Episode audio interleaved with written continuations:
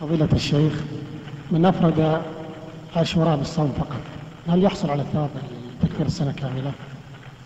يسأل يقول إذا أفرد الرجل صوم عاشوراء ولم يصم قبله ولا بعده فهل له أجر؟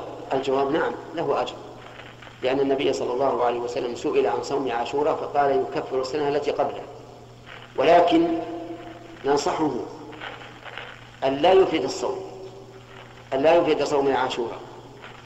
لأن النبي صلى الله عليه وسلم قال خالف اليهود صوموا يوما قبله أو يوما بعده.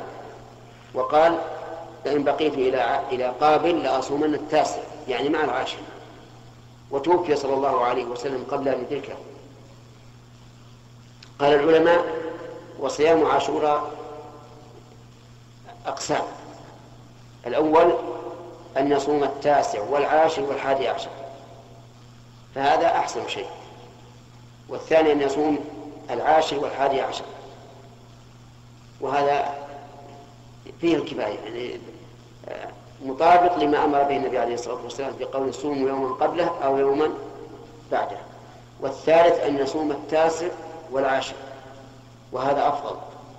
يعني لو قال قائل أصوم العاشر والحادي عشر أو التاسع والعاشر قلنا التاسع والعاشر أفضل. وهذه كلها جائزة وليس فيها كراهة. القسم القسم الرابع وهو أن يفرده بالصوم فهذا كرهه بعض العلماء لأن الرسول صلى الله عليه وسلم قال خالف اليوم صوموا يوما قبله أو يوما بعده. شيخ حسن. هذه من أهل المدينة